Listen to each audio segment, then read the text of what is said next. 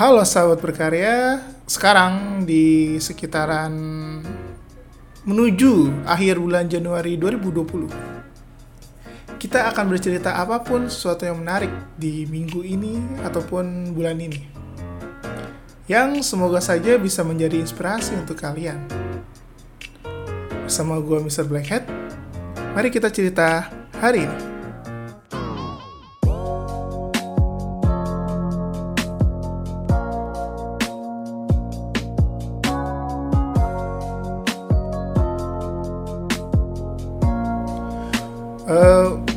For your information al- alias FYI asik. Sekarang gue udah mulai enak nih ngomongnya. Sebenarnya gue udah hampir tag lebih dari 10 kali ya dan gue udah bikin pokok bahasan ada 4 biji dan ternyata pas gue dengerin sampah. Dan akhirnya gue uh, untuk membuat podcast ini memiliki insight yang bagus. Kali ini gue bakal lebih rapi lagi untuk menyusun berita dan cerita hari tentang hari ini. Mari kita cerita hari ini adalah sebuah podcast yang berisikan tentang apa saja berita atau kabar yang lagi trending. Ingat trending bukan viral. Ini orang udah ini kalau kata Enobling tuh salah mengartikan sih, salah mengartikan. Harusnya tuh vi, uh, kan gue juga ikutan kan. Harusnya tuh trending, bukan viral, oke? Okay? Pokoknya semua berita yang lagi trending atau kabar yang lagi panas berseliweran di dunia maya. Yang pastinya dunia maya kita anak-anak PHP. Yang semoga saja juga bisa menjadi informasi atau insight yang baru untuk kalian semua. Mari kita mulai dari Blackhead News.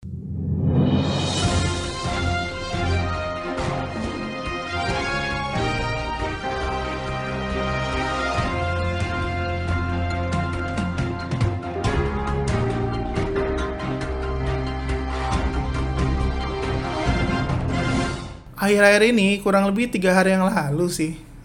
Harusnya tiga hari yang lalu ya. Ini lagi rame namanya tahu go karena karena nih ya ya biasa lah orang Indonesia tuh nggak jauh-jauh tuh ngeramein sesuatu yang agak sedikit di luar nalar. Sebenarnya menurut kita manusia itu normal-normal aja. Orang Indonesia beda. Kayak contohnya lah uh, yang kemarin sempat uh, trending juga tuh itu ada namanya uh, Mbak Cafe tau kan uh, coffee cafe ya coffee apa cafe cafe apa sih namanya? Oh iya namanya Point Cafe. Kemarin sebenarnya sih nggak juga beda sih sama kayak Mbak Mbak Indomaret yang uh aduh hai. Atau enggak Mbak Mbak Indomaret yang tiba-tiba nge-cosplay itu kaget gue yang kata dulu banget itu udah sekitaran dua tahun lalu kalau salah ada Mbak Mbak cosplayer cosplay jadi Miku. Waduh, Miku. Bayangkan Miku icon Family Mart pindah jadi karyawan Indomaret. Aduh, pokoknya kalau nggak salah tuh tahun kemarin sempet rame tuh yang kata karyawan dari Point Cafe itu yang lagi trending yang yang gue nggak tahu sih gue belum tahu kejelasannya itu apakah memang dia bekerja di situ atau dia hanya apa ya kayak sih kerja di situ sih soalnya uh, dia tuh ya standby di situ kayaknya. Tahu kali pokoknya banyak lah hal yang ini. Dan gak lama ini sekitar tiga hari yang lalu lagi trending itu ada penjual tahu cantik. Jadi Mbak Amanda ini tuh lagi trending karena ya itu mbak mbak. Lu ya orang Indonesia tuh suka gitu deh. Sesuatu yang menurut kita normal tapi apa ya? Gimana ya bahasanya? Nggak nggak nggak abnormal nggak abnormal nggak tidak normal. Maksud gue tuh ya normal orang kerja sebagai sesuatu. Mungkin ada beberapa orang yang menganggap itu tidak normal karena uh, buat apa sih lu? Dan dan cantik cantik makeup apa lu cantik cantik gitu. Goreng tahu ya tapi kan pria Indonesia itu suka wanita yang berusaha keras asik. Tapi yo gimana kalau misalkan ceweknya S2 tapi cowoknya S1 suka minder gitu? Yo. YOLO. Ya deh YOLO aja dah. Jadi uh, si Mbak Amanda ini lagi rame tuh tiga hari yang lalu di Twitter kalau nggak salah. Dari Twitter nih ya biasalah gue kan orangnya kan manusianya apa agak sedikit ansos ya? Anjay ansos. Maksud gue bukan ansos itu sih lebih ke kudet kurang update sih. Tapi gue sekarang lagi mencoba untuk update lagi karena informasi sekarang lebih menarik. Seperti informasi tahun lalu. Pokoknya Indonesia lagi senang-senangnya lah. Lagi senang-senangnya bikin yang aneh-aneh jadi tuh Kak Amanda ini emang standby gitu di outlet yang kalau nggak salah sih dia tuh lebih lebih suka standby di daerah yang kata Fatmawati itu apa? Haji Nawi Haji Nawi. Iya Haji Nawi itu. Gue sendiri dapat informasinya dari ini kakek Fudi. Dia salah satunya gue di Instagram sih kalau gue kakek Fudi itu gue dapetnya dari Instagram.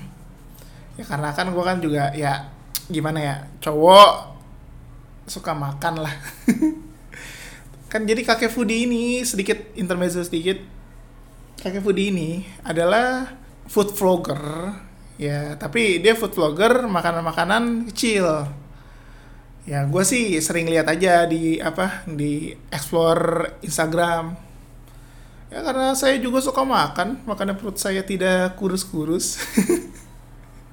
Olahraga woi olahraga. Hah. tapi nih ya tapi sepertinya kalau kalian ingin mencoba mendekati ke Amanda ini sayang sekali karena dia sudah menikah. Wow. Mantap. Ya iyalah lu. Aduh kadang-kadang nih ya orang cowok Indonesia tuh ya cantik dikit lirik cantik dikit. Kak boleh minta IG-nya boleh minta WhatsApp-nya boleh minta nomor teleponnya. Ntar teror alah cowok Indonesia tuh kayak gitu. Nggak nggak cowok Indonesia sih. Kayak semua cowok tuh kayak gitu deh. Uh, default default cowok gitu. Lihat yang cantik terus si stalker stalker stalker stalker. Eh udah punya cowok udah punya suami. Waduh. Telepon yang yang ngangkat suaminya. Ayah siapa ya? Ini saya suaminya. Uh merinding merinding. Uh ya pokoknya Kamanda ini udah udah nikah lah gitu ya gitu. Bagus sih maksud gue tapi sekarang perempuan gini sih apa yang cantik cantik tuh dia tuh udah nggak ngikutin sama standar yang di mana cewek cantik itu harus kerja yang eksekutif kerjaannya. Nggak juga. Ini uh, kalau nggak salah di daerah gue juga ada mbak mbak nasi uduk. Mbak mbak nasi uduk sumpah. Mbak mbak nasi uduk anaknya dua. Apalagi gue sih ada mbak mbak nasi uduk yang menurut gue kalau misalkan kerja nih sebagai SPG itu masih worth it. Ya gitu.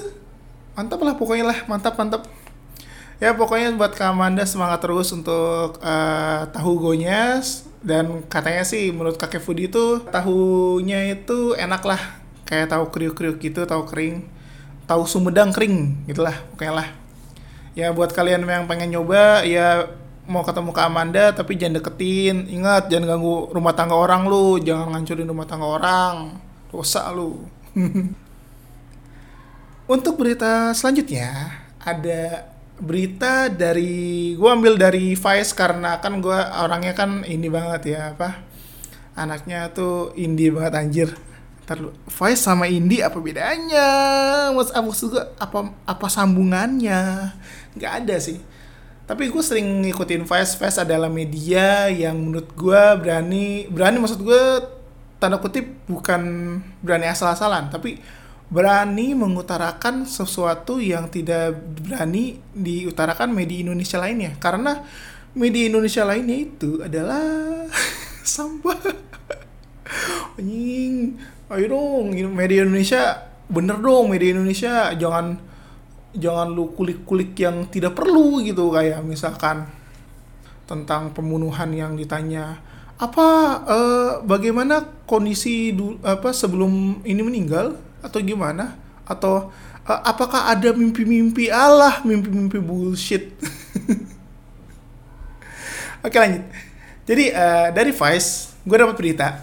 Katanya nih ini berita kalau nggak salah udah empat hari lebih lama lagi empat hari yang lalu sorry banget kalau misalkan gue bikinnya agak ya gitulah pokoknya lah agak agak telat dikit karena kan gua nge ini dulu apa ngeliat dulu baca-baca dulu rangkum-rangkum dulu Jadi itu eh, ada ustadz, aduh, sebenarnya sih ini agak riskan tapi udah nggak apa-apa lah.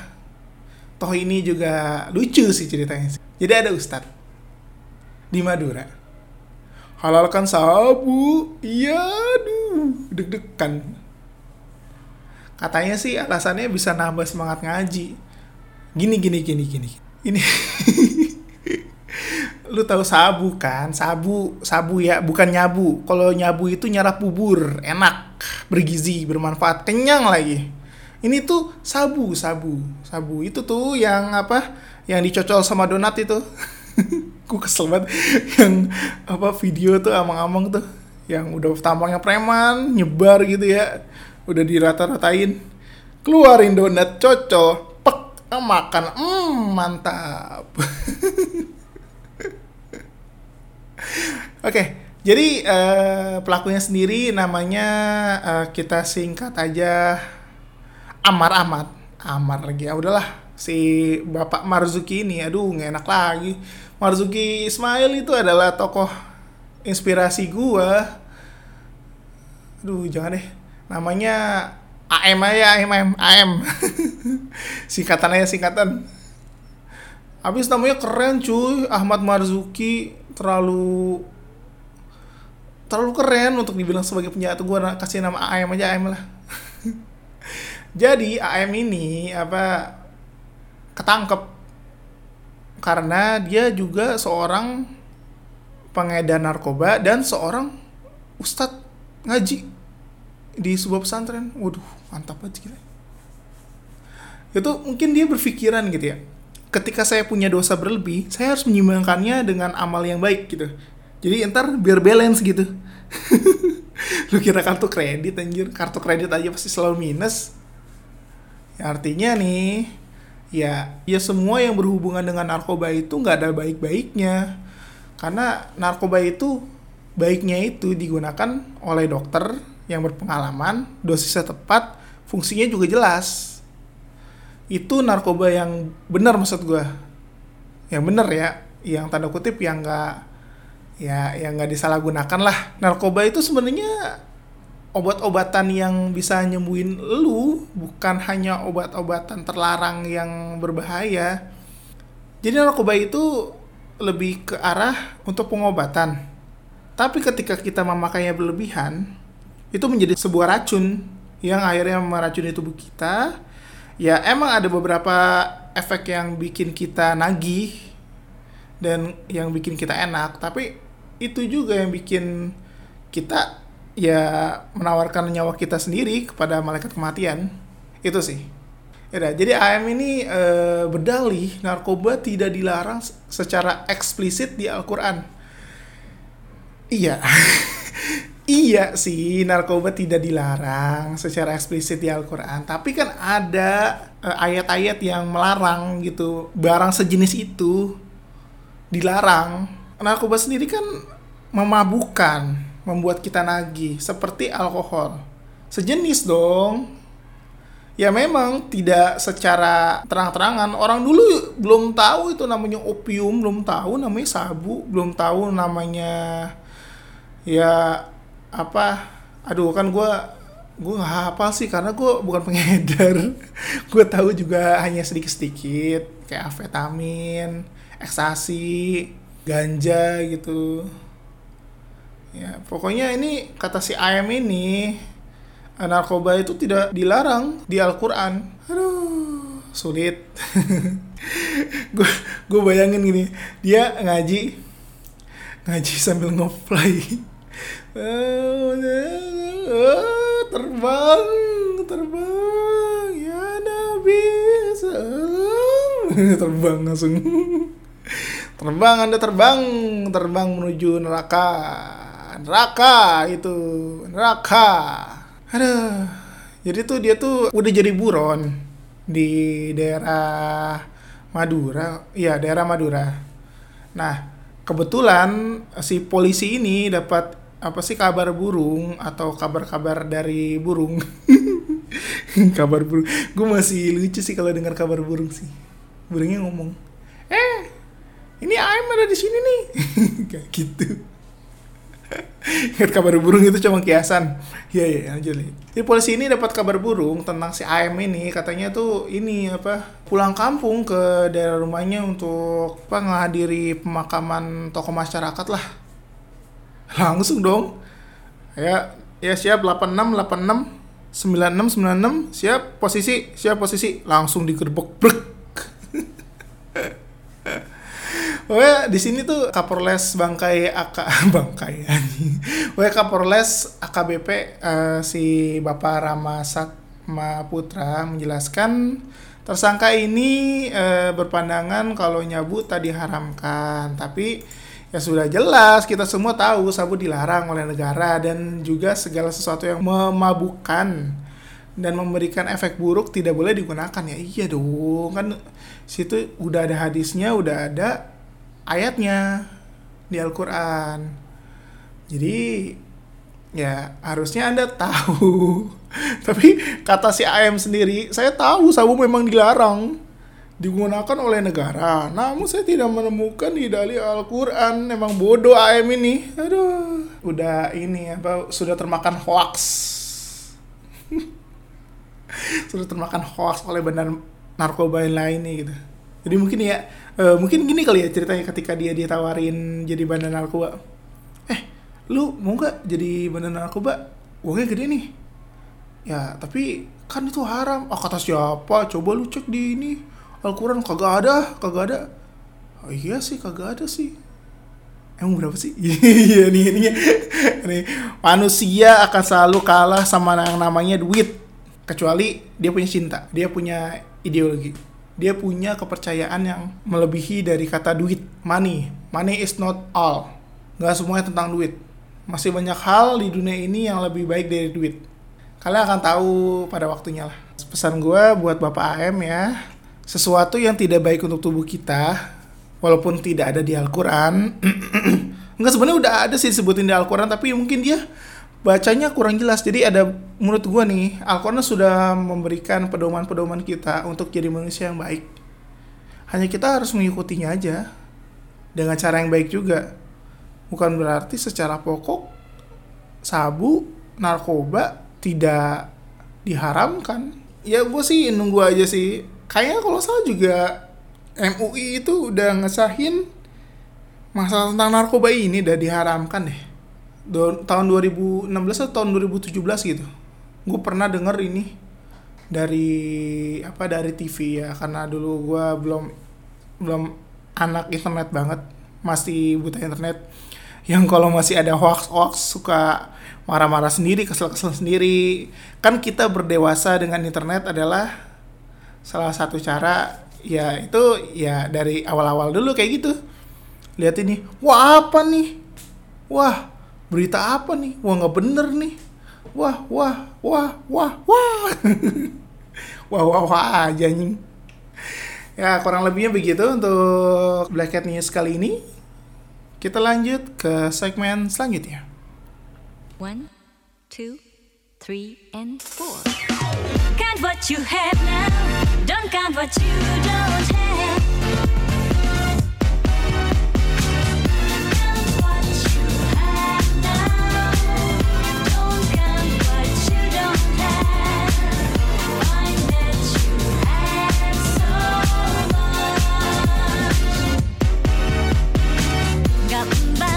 Yeay.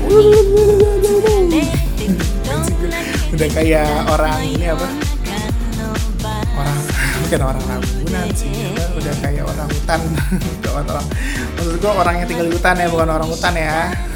Untuk segmen kali ini gue bakal bikin namanya segmen Japanese Adilai. Woo.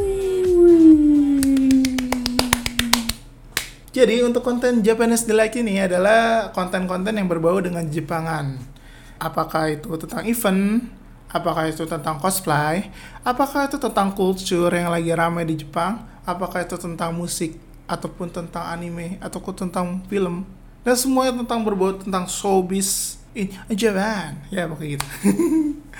Kali ini kita bakal untuk pembahasan kali ini kita bakal masuk ke cosplay highlight aja dulu. Cosplay highlight. Jadi kita bakal ngesorotin cosplayer-cosplayer yang wannabe ataupun worth it untuk kalian lihat-lihat karena karena imajinatifnya, krea kreasinya, kreativitasnya dan sebagainya. Oke, untuk kali ini kita bakal bahas tiga cosplayer ulung anjay, tiga cosplayer ulung, tiga cosplayer ulung, ulung loh ulung anjay. Pokoknya gue ada tiga cosplayer yang recommended untuk kalian, yang pantas banget untuk dijadikan rekomendasi. Mungkin kalian ingin ikutan cosplay ataupun hanya sekedar menikmati sebuah gambar yang berseni atau berkelas Pertama ada namanya cosplayer namanya ST. Ya, tapi di Facebooknya ST dan gue susah banget keteknya. IG-nya gue lupa apa. Sumpah gue lupa nama IG-nya. Ntar mungkin uh, kalau misalkan ada gue mau coba di tagin aja deh di Instagram nanti gue masukin podcastnya di Instagram sebagai trailer ntar gue tagin orang-orangnya siapa ya pertama ada ST alias ST gue suka manggilnya ST sebenarnya dia cosplay udah lama tapi karena dia anak stan yang sangat sibuk dengan menghitung-menghitung anggaran rumah tangga negara ya jadi sih sibuk banget dan tapi sih untuk 2019 belakangan sampai 2020 ke depannya kayak sih dia udah mulai aktif lagi di dunia cosplay dan worth it banget. Dia tuh sangat suka dengan genre-genre yang shota lah sih, so sota yang imut-imut, yang kawai-kawai gitu.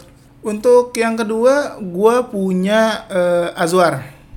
Atau yang kalau di ininya apa sih di Facebooknya dipanggilnya Warki Hyun. Yang bener gimana sih ngomongnya War yang bener ngomongnya gimana War Wa Warki Hyun Shun Sun. Yang bener ngomongnya gimana? Kok masih susah Jadi dia tuh salah satu cosplayer cowok yang make upnya pro banget. Pokoknya kalau kalian suka dengan make up, coba deh cek ini orang nih si Warki Hyun Sun Warkisun ya, Warkisun ya sebenarnya kayak gitu. Kayak harus harus gitu kayak Warkisun ya. Yang ketiga yang ketiga kita punya Ke Miyim dia tuh uh, salah satu apa bukan cross. Anjir kenapa gue mau ngomong hijab cosplayer selalu kepikiran sama cross hijaber? Gue kesel banget itu tragedi cross hijaber yang itu tuh anjir anjir orang bodoh mana? Yang aduh. Kalau gue pusing kalau udah ngomongin cross jaber. Kalau mau cross mending jangan. Kalau muka lu nggak cantik ntar gue jadi sakit perut. Iya bagus sih untuk melancarkan pencernaan perut sih. Tapi ya kalau beraknya sebulan mah nggak bagus juga anjing. Keluar usus gue ntar. Oke okay, jadi Ki Ke Mayem ini adalah salah satu uh, cosplayer hijab yang konsisten dari dari beberapa tahun yang lalu. Sebenarnya gue udah cukup kenal lama, baru deket banget itu akhir-akhir ini karena ya ya sempat lah kita satu tim motoin dia di latihan latihan latihan. Kita mulai dari ST dulu ST ST. Jadi kenapa gue menyarankan ST sebagai cosplayer yang recommended untuk akhir-akhir pokoknya 2020 awal ini? Ya karena dia tuh lagi bagus banget. Maksud gue dia ya emang dari akhir 2019 dia banyak cos cosplay yang bener-bener cosplaynya itu proper dan dan siap sama kostumnya apa pun itu. Kedua dia bisa jadi cowok bisa jadi cewek Tapi ya cowok cantik alias Sota. Dia tuh sangat suka banget cosplay karakter Sota mungkin karena ya dia juga suka sih. Gue recommended banget buat kalian karena satu dia cosplayer yang wannabe banget dan rising kalau menurut gue bakal rising untuk tahun 2020 ini gue yakin ya semoga aja uh, buat KST semoga aja cosplaynya terpenuhi terus makin terus berkarya siapa tahu bisa jadi calon CWS anjing. Calon CWS waduh pokoknya mantap lah buat KST lah. Kemarin gue juga sempat untungnya dia mau sih. Sebenarnya gue juga agak nggak enak sama dia karena gue sempat jadiin dia bahan eksperimen gue maaf ya kayak ya. Kalau misalkan hasil eksperimennya jelek ya namanya juga masih eksperimen kak. Belum menjadi bahan jadi. Uh, karena gue orang yang suka bereksperimen semoga kalau misalkan ada eksperimen selanjutnya dan gue bakal ngulangi eksperimen itu lagi menjadi lebih baik. Amin. Btw kak uh, ditunggu aja untuk karya selanjutnya. Ya jangan kapok-kapok difoto sama anak-anak BHP karena kita anaknya humble parah nggak ada cibir-cibiran. Kita anaknya anti cibir-cibiran klub. Asik. Kita pokoknya anaknya anti anti gosip-gosip gosip-gosip lambe turah dan sebagainya. Paling kita ngemim sih. Kalau ngemim mah ya itu mah buat hiburan semata lah. Oke lanjut. Yang kedua gue ngomongnya tentang Waki Sun atau di IG-nya namanya tuh Azwar Azwar SFX. Kenapa gue re rekomendasiin dia sebagai cosplayer yang patut untuk dilihat? Maksud gue ya di ya jadi apa sih jadi bahan inspirasi kalian ya karena dia tuh salah satu MUA cowok yang niat yang bagus. Oke tim Black Cat Production itu udah sering banget motoin dia beberapa kali.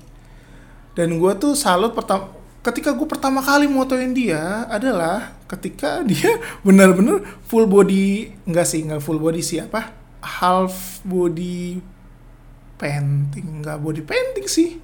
Body scrub body body apa ya? Pokoknya dia uh, eh, gue lupa nama foto tematik yang gue buat sama dia namanya apa. Pokoknya itu uh, foto untuk foto untuk fotonya tuh foto tematik. Foto tematik konsep dan untuk kostumnya itu uh, eh, gue lupa namanya cuma setengah badan doang kok. Itu gue pertama kali lihat cowok bisa make up lebih bagus dari cewek, sumpah. Itu Azwar. Mantap. Tepuk tangan dulu buat Azwar. Gue salut banget sama dia. Dia pokoknya mantap lah untuk masalah make up make upan buat kalian nih cewek-cewek nih yang pengen coba belajar make up make up juga ataupun cowok-cowok yang pengen coba jadi make up apa pengen make up sebagai seorang enggak maksud gue sorry, sorry, sorry, sorry. bukan make up sebagai seorang cewek maksud gue maksud gue make up sebagai seorang pria sih uh, btw gue baru tahu loh ternyata anak BTS itu di make up. Gue pengen ketawa anjing. Coba kok make upan. Gak gak gak gak kalau menurut gue itu makeup itu adalah sebuah lukisan. Artinya ketika lu berhasil melukis wajah lu dengan baik dan benar, berarti lu berhasil membuat ya membuat sebuah karya yang bagus. Oke sendiri tuh udah banyak banget uh, karya dia. Dia juga sering ikut banget lomba MUA, MUA, MUA. Kalau misalkan lu nggak tahu MUA itu bukan Monster University ya bukan Monster University Academy. Bukan MUA yang itu. Tapi MUA makeup ya MUA itu makeup artist nih universal artist. Unya di gua gua ngarang unya pokoknya uh, dia tuh MUA alias ya makeup artist lah. Yang menurut gua kalau dia buka jasa makeup artist worth it banget buat dicoba dia tuh biasanya bukanya nggak mahal-mahal sih rentan harganya. Tapi ya worth it banget. Dia bisa makeup cowok dia bisa makeup cewek. Jadi dia bisa bikin orang jadi cantik. Dia bisa bikin orang jadi BTS yo! Maaf ya fans Korea. Ya mungkin gue bakal bikin Korea di Korean di like ya tapi kayaknya gue lagi nggak ikutan Korea karena gue masih stay di Jepang. Karena Jeff is the best sih kapan nyambungnya ke Jav kalau kata anak-anak kota Kobox tuh Jakarta adu visual yo tepuk tangan dulu buat box to box Eh, gue sering dengerin podcast lu. BTW, gue saranin kalau kalian ingin melihat uh, artistic makeup yang bagus dari anak cosplayer, kayak ini. Warki Shun atau Azwar SFX. Oke, kita lanjut bahas yang terakhir itu ada Kake. Jadi Kake ini, Ustadz, dia konsisten dari 2000 berapa ya? Itu konsisten kalau nggak salah dari beberapa mana nih? Mungkin gue bakal sedikit cek foto-fotonya. Kalau nggak salah dia konsisten dari tahun 2017 sih. Sebelumnya gue juga udah pernah motoin hijab cosplay ya. Dan itu Miku. Dan itu masuk media Jepang. Dan gue di tag sedih. Sudahlah nggak apa-apa. Aku sih senang asal kamu senang. Kalau nggak salah sih uh, kakek ini uh, udah mulai apa hijab cosplay itu dari tahun 2017 sih ingat gue tapi mungkin uh, kita kayak kita bakal undang aja kali ya untuk sesi next nextnya dia tuh uh, salah satu cosplayer yang pandai nyanyi sih. Gila suara dia bagus banget. Pokoknya dia kalau kalian nih untuk uh, para gadis-gadis hijab yang ingin ikutan untuk cross please don't say that words. Cross hijab is don't good. Ya jangan cross hijab hijab cos hijab cosplayer. Ah hijab cosplayer namanya bener bukan cross hijab. Ini si bangsat emang nih. Gue gara-gara kemarin-kemarin waktu si cross hijab lagi naik nih gue nonton banyak video tentang itu. Ya kan gue belum kepikiran buat bikin podcast ya ya tapi ya sudahlah nggak usah dibahas itu cross hijaber. Itu bangsat sih okay, jadi uh, untuk kakek ini itu recommended banget buat kalian ikutin. Buat kalian uh, para hijaber yang pengen nyoba untuk cosplay sebagai hijab cosplayer, wajib banget untuk jadiin kakek ini sebagai panutan. Buat kakek semangat terus untuk next next cosplaynya semoga aja terwujudkan dan jangan menyerah dan keeps explore the universe. Ya anjing. Jadi BCU bangsat. Eh keeps explore your creativity. Pokoknya semangat terus kakek gue bakal ngasih tahu sosial media mereka bertiga yaitu KST dulu. Kalian bisa cari aja di Facebook ST ST bener-bener ST tapi digabung. Uh, eh, gue tuh kadang lucu sih dia orang orangnya berpikiran sangat unik sih. ST namanya tuh ST ya gue capek ah nama kalau nggak salah nama dia panjang ada empat huruf atau tiga huruf gitu. Terus itu susah gitu. Terus mungkin dia berpikir gini ah capek ah nama panjang-panjang banget. Udah gue tuh saja apa ya? ST ST terus temennya yang tuh eh mau ST nggak ST oh iya ST aja sorry itu itu tadi hanya bualan gua doang. Kalau beneran itu itu inspirasi namanya kayak gitu sih waduh mantap sekali. Pokoknya kalian bisa cari aja langsung di Facebooknya ST rame lah pokoknya lah untuk karya-karya dia.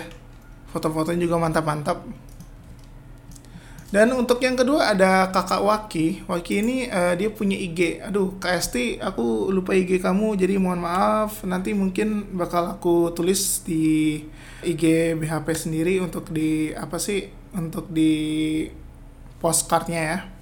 Untuk Kawaki ini untuk Facebooknya itu ada Warki Sun dan untuk IG-nya ada Azwar SFX. Untuk kalian yang suka melukis-lukis wajah kalian, gue saranin banget untuk liatin dia, oke? Okay? Semangat untuk kalian, untuk Kak Azwar juga semangat, semoga terus berkarya dan makin bagus dan kalau misalkan butuh uh, ikut lomba video MUA, kita siap kok Kak. oke, okay? siap, mantap. Oke, selanjutnya ada Kake Miem uh, untuk Facebooknya sendiri ya tadi gue udah sebutin kayak Mayem agak susah ngomongnya. Atau mungkin kalian bisa follow di IG-nya itu Mayem Kos R. Mana ya bacanya Mayem Kos underscore R. Ya itulah kurang lebihnya. Ntar buat apa gue masukin ke post card juga oke? okay?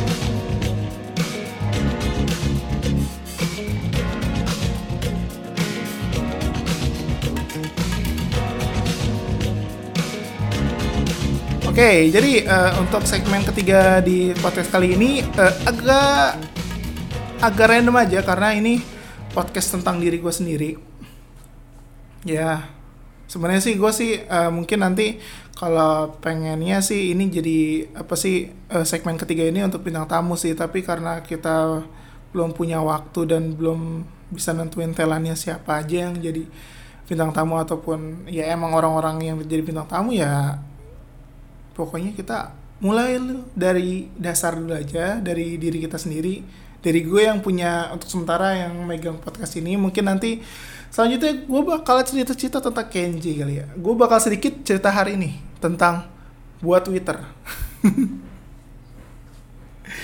Jadi uh, akhir-akhir ini tuh apa ya gue tuh lagi pengen banget cari berita untuk podcast nya Black Cat Picture. Tapi karena uh, gue ingat banget Twitternya BHP itu bermasalah, jadi gue mulai dari akun baru gue. Ya mungkin kalian kalau ada yang mau follow anjay. Dia promosi.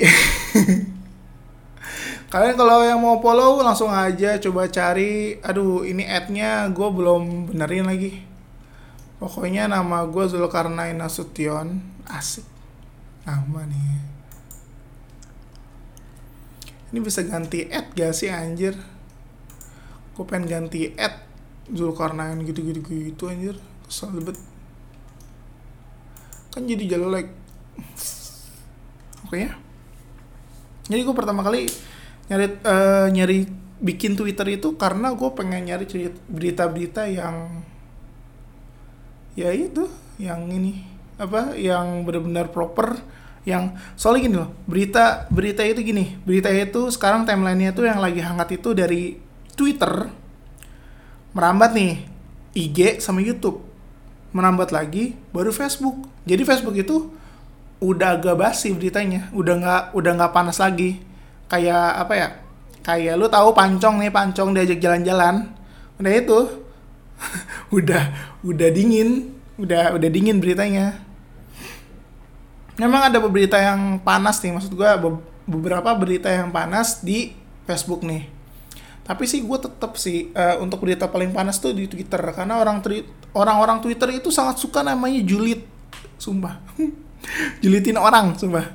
Orang-orang Twitter tuh suka banget julitin orang. Jadi ya ladang. Ladang konten buat gue ya ya pokoknya itulah apa rencana gue awal bikin Twitter.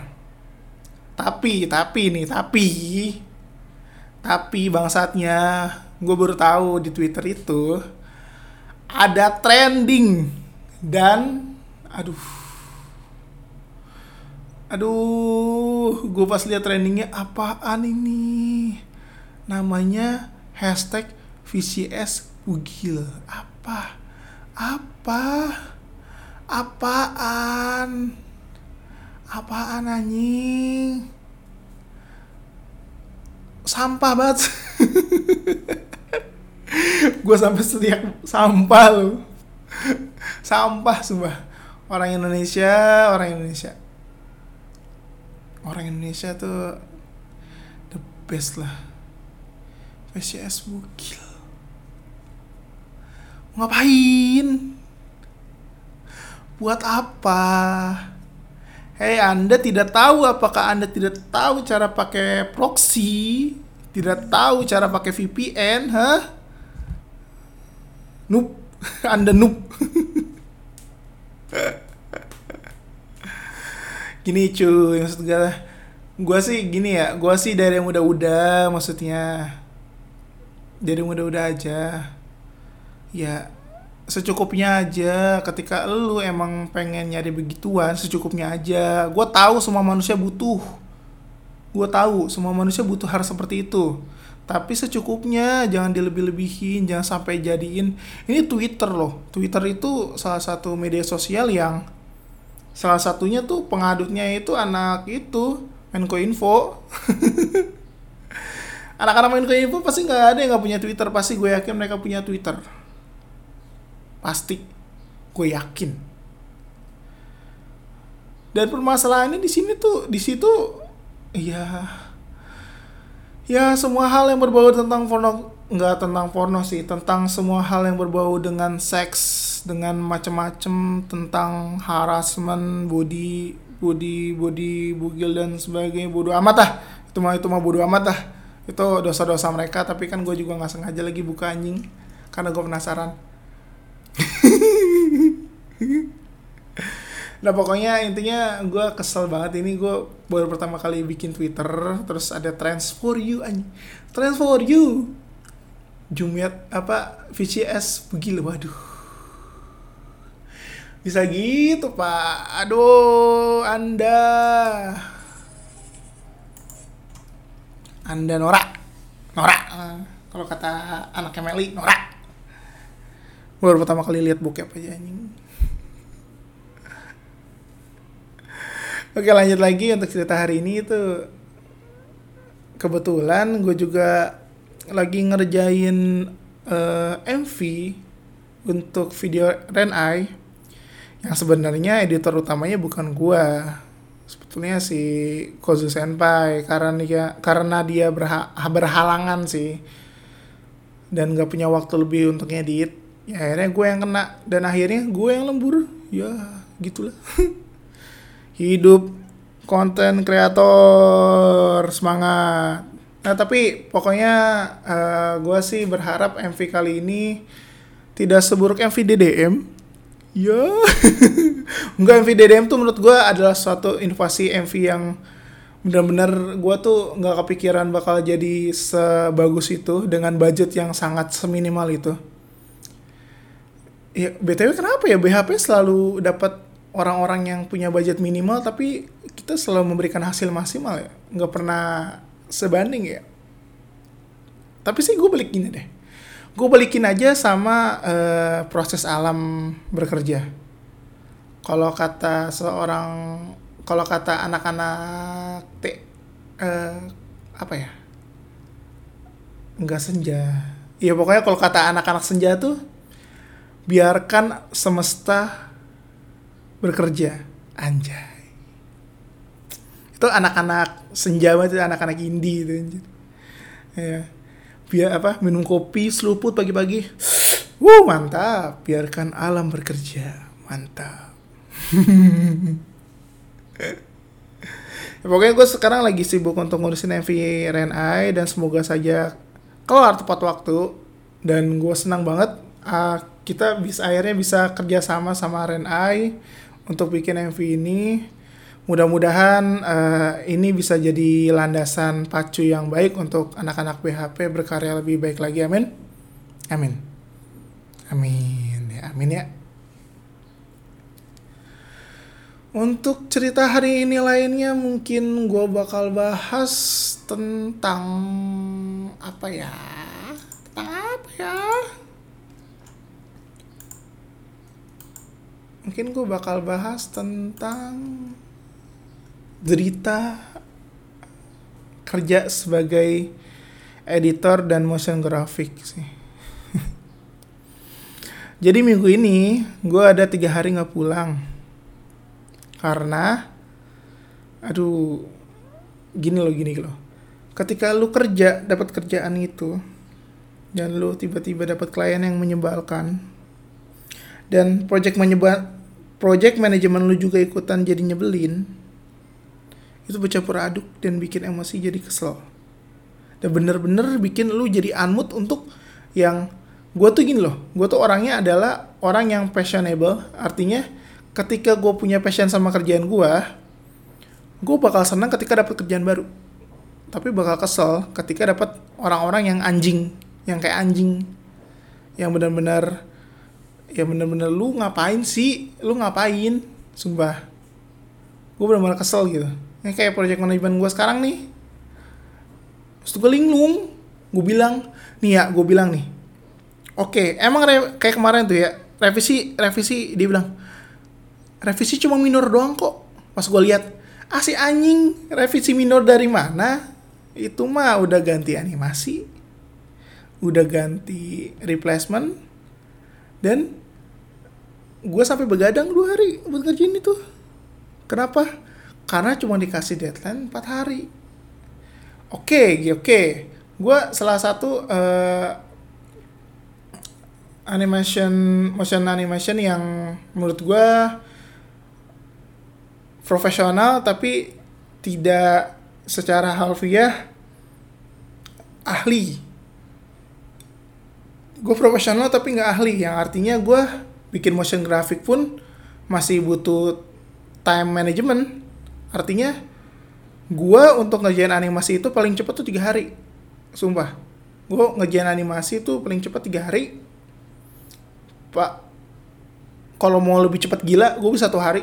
Bisa satu hari full 24 jam. Bisa. Tapi kalau emang yang udah bener-bener ahli alias dokter animasi motion? Ayo itu mah dua jam juga udah kelar. Kalau kata mereka kan kalau saya kan hanya profesional bukan ahli. Jadi ya gitulah. Sedih sih sedih. Kemarin derita anak editor anime apa motion animation tuh kayak gitu sih. Yang artinya tapi gue paling kesel lagi ketika kita dapat kerjaan tapi asetnya kita harus buat sendiri. Wah itu anjing banget sumpah. Lo hanya punya deadline tiga hari untuk bikin untuk uh, maksud gue lo punya deadline tiga hari cuma dikasih materi tulis. Nggak dikasih materi footage. Nggak dikasih apa sih uh, barang yang penting alias uh, kayak logo di anjing gitu sumpah gue beberapa kali nemuin ya klien ya. Nemuin klien yang nggak mau kasih logo dia. Kata gue anjing sumpah. Oke ini masih oke maksud gue gue tanda kutip masih perang apa sih namanya tuh masih masih perang sama apa sih namanya tuh yang apa sih yang kata apa sih trading apa sih uh, kita uh, pro apa sih project kita kayak ini apa kita punya apa orang orang nyari nyari orang yang bisa bikin ini apa sih namanya lupa gue pokoknya lupa. Jadi kita menang proyek gitu. Kayak kita menang proyek. Itu untuk menangin itu setidaknya bagi gue logo asli lu yang HD yang nggak pecah-pecah atau beberapa item lu bagi gue bikin. Dengan baik dan benar. Alhasil ke mana-kemana tuh dua ten tender lagi. Tenor tenor. Apa sih? Gue lupa lo gue lupa gue lupa namanya apa. Ya kurang lebih itulah. Maksud gue lu kasih gue korporat lu logo lu apa uh, basic basic itu lu apa GSM lu ke gua sama aset-asetnya kasih ke gua. Gua bakal bisa bikin yang bener dan gua gua sesuaiin sama warnanya juga warna korporatnya juga gua sesuaiin. Itu yang paling keluh kesah gua sebagai video motion editor yang menyebalkan. Awal nih gue masih nggak jelas sih gue gue sih kalau di dalam jabatan gue ya gue tuh sebagai video editor. Tapi the real is in my office in my job gue tuh sebagai animation editor motion graphics ya. Footage maker juga. Ya anjing lah pokoknya. Seharusnya gue dibayar empat kali lipat sih tapi ya sudahlah.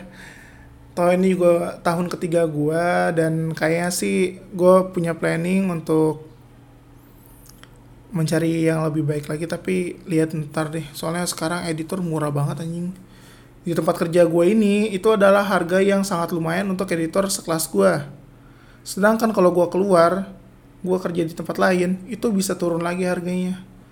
Bayangin cuy editor cuma 2 juta. Why? Gue lihat banget banyak anjir.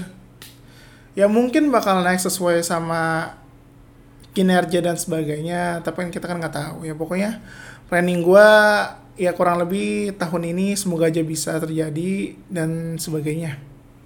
Semoga aja menjadi kenyataan. Ngomongin tentang diri sendiri gue lagi tertarik banget sama lagunya India yang namanya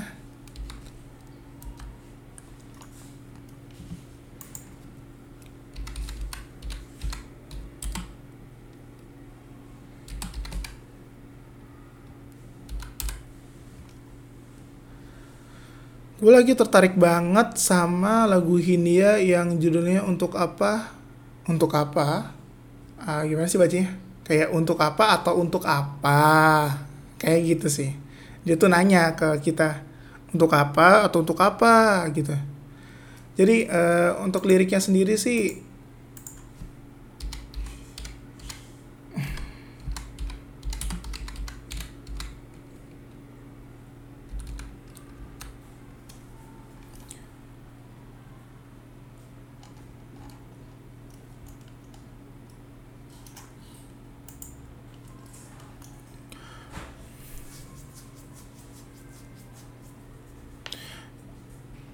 Jadi uh, untuk uh, liriknya sendiri itu uh, menceritakan tentang orang yang bekerja ya pokoknya dia apa ya mengejar sesuatu tapi nggak lihat sekitarnya gitu.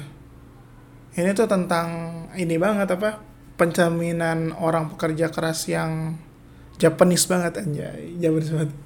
Enggak sih, Japanese nggak selalu kayak gitu sih tapi setahu gua ini tuh adalah lagu yang bikin gua sadar kalau misalkan kerja terlalu sering itu atau kerja terlalu giat itu nggak bagus buat lingkungan maksud gua bagus buat diri sendiri sama lingkungan keluarga. Jadi kayak ketika lu terlalu kerja terlalu sibuk lu mengabaikan keluarga lu gitu. Jadi lagu ini tuh nyentil nih para ya para officer-officer di luar sana gitu yang mungkin mood atau dan sebagainya yang habisin waktu dalam bekerja. Ya pokoknya lu ingat nih apa uh, apa ya kayak lu untuk apa untuk apa lu kerja kerja kerja kerja doang? Mungkin mereka ada yang punya jawabannya ada yang tidak. Karena sebagian besar nih sebagian besar uh, karyawan di Indonesia pun ada beberapa yang mungkin tanda kutip udah pasif sama kerjaan dia. Yang artinya dia nggak bakal nyari-nyari lagi dan nggak bakal nggak bakal explore kemampuan dia lagi. Dan ada beberapa yang selalu bertanya-tanya apakah gue di sini cukup? Apakah di sini gue kurang? Kayak gitu terus kayak gitu terus. Dia selalu mencari mencari mencari mencari mencari. Ada juga orang yang bekerja keras untuk keluarga dia ya untuk mungkin kesenangan orang tuanya atau dia punya anak istri dan sebagainya.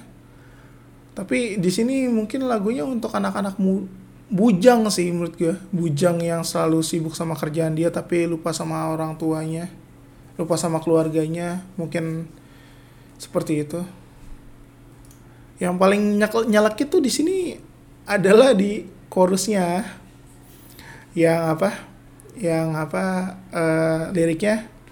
Mengejar mimpi sampai tak punya rasa. Mengejar mimpi sampai lupa keluarga. Mengejar mimpi lupa dunia nyata. Mengejar mimpi tapi tidak bersama.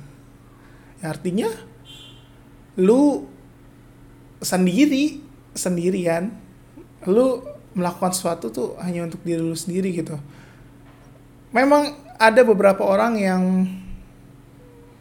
egoismenya tinggi egoismenya tinggi egoismenya tinggi banget. Jadi kayak gue nggak perlu orang lain gue sendiri pun cukup. Ada orang yang kayak gitu. Banyak. Di sini pun dia tuh ngomong apa di bridge terakhirnya apa uh, cepat cepat namun sendiri untuk apa cepat tapi meracuni eh bersama tapi meracuni untuk apa jadi kayak lu tuh juga mempertanyakan gue bersama keluarga gue ketika lu bersama keluarga gue tuh berarti ya lu harus bisa tanggung resiko di mana kayak rekomendasi-rekomendasi bangsat yang membuat lu jadi berpikir dua kali untuk memilih sesuatu. Jadi lu membuat diri lu ragu sendiri. Jadi apa ya? Ketika bersama malah beracuni. Ketika sendiri ya sendirian. Gitu.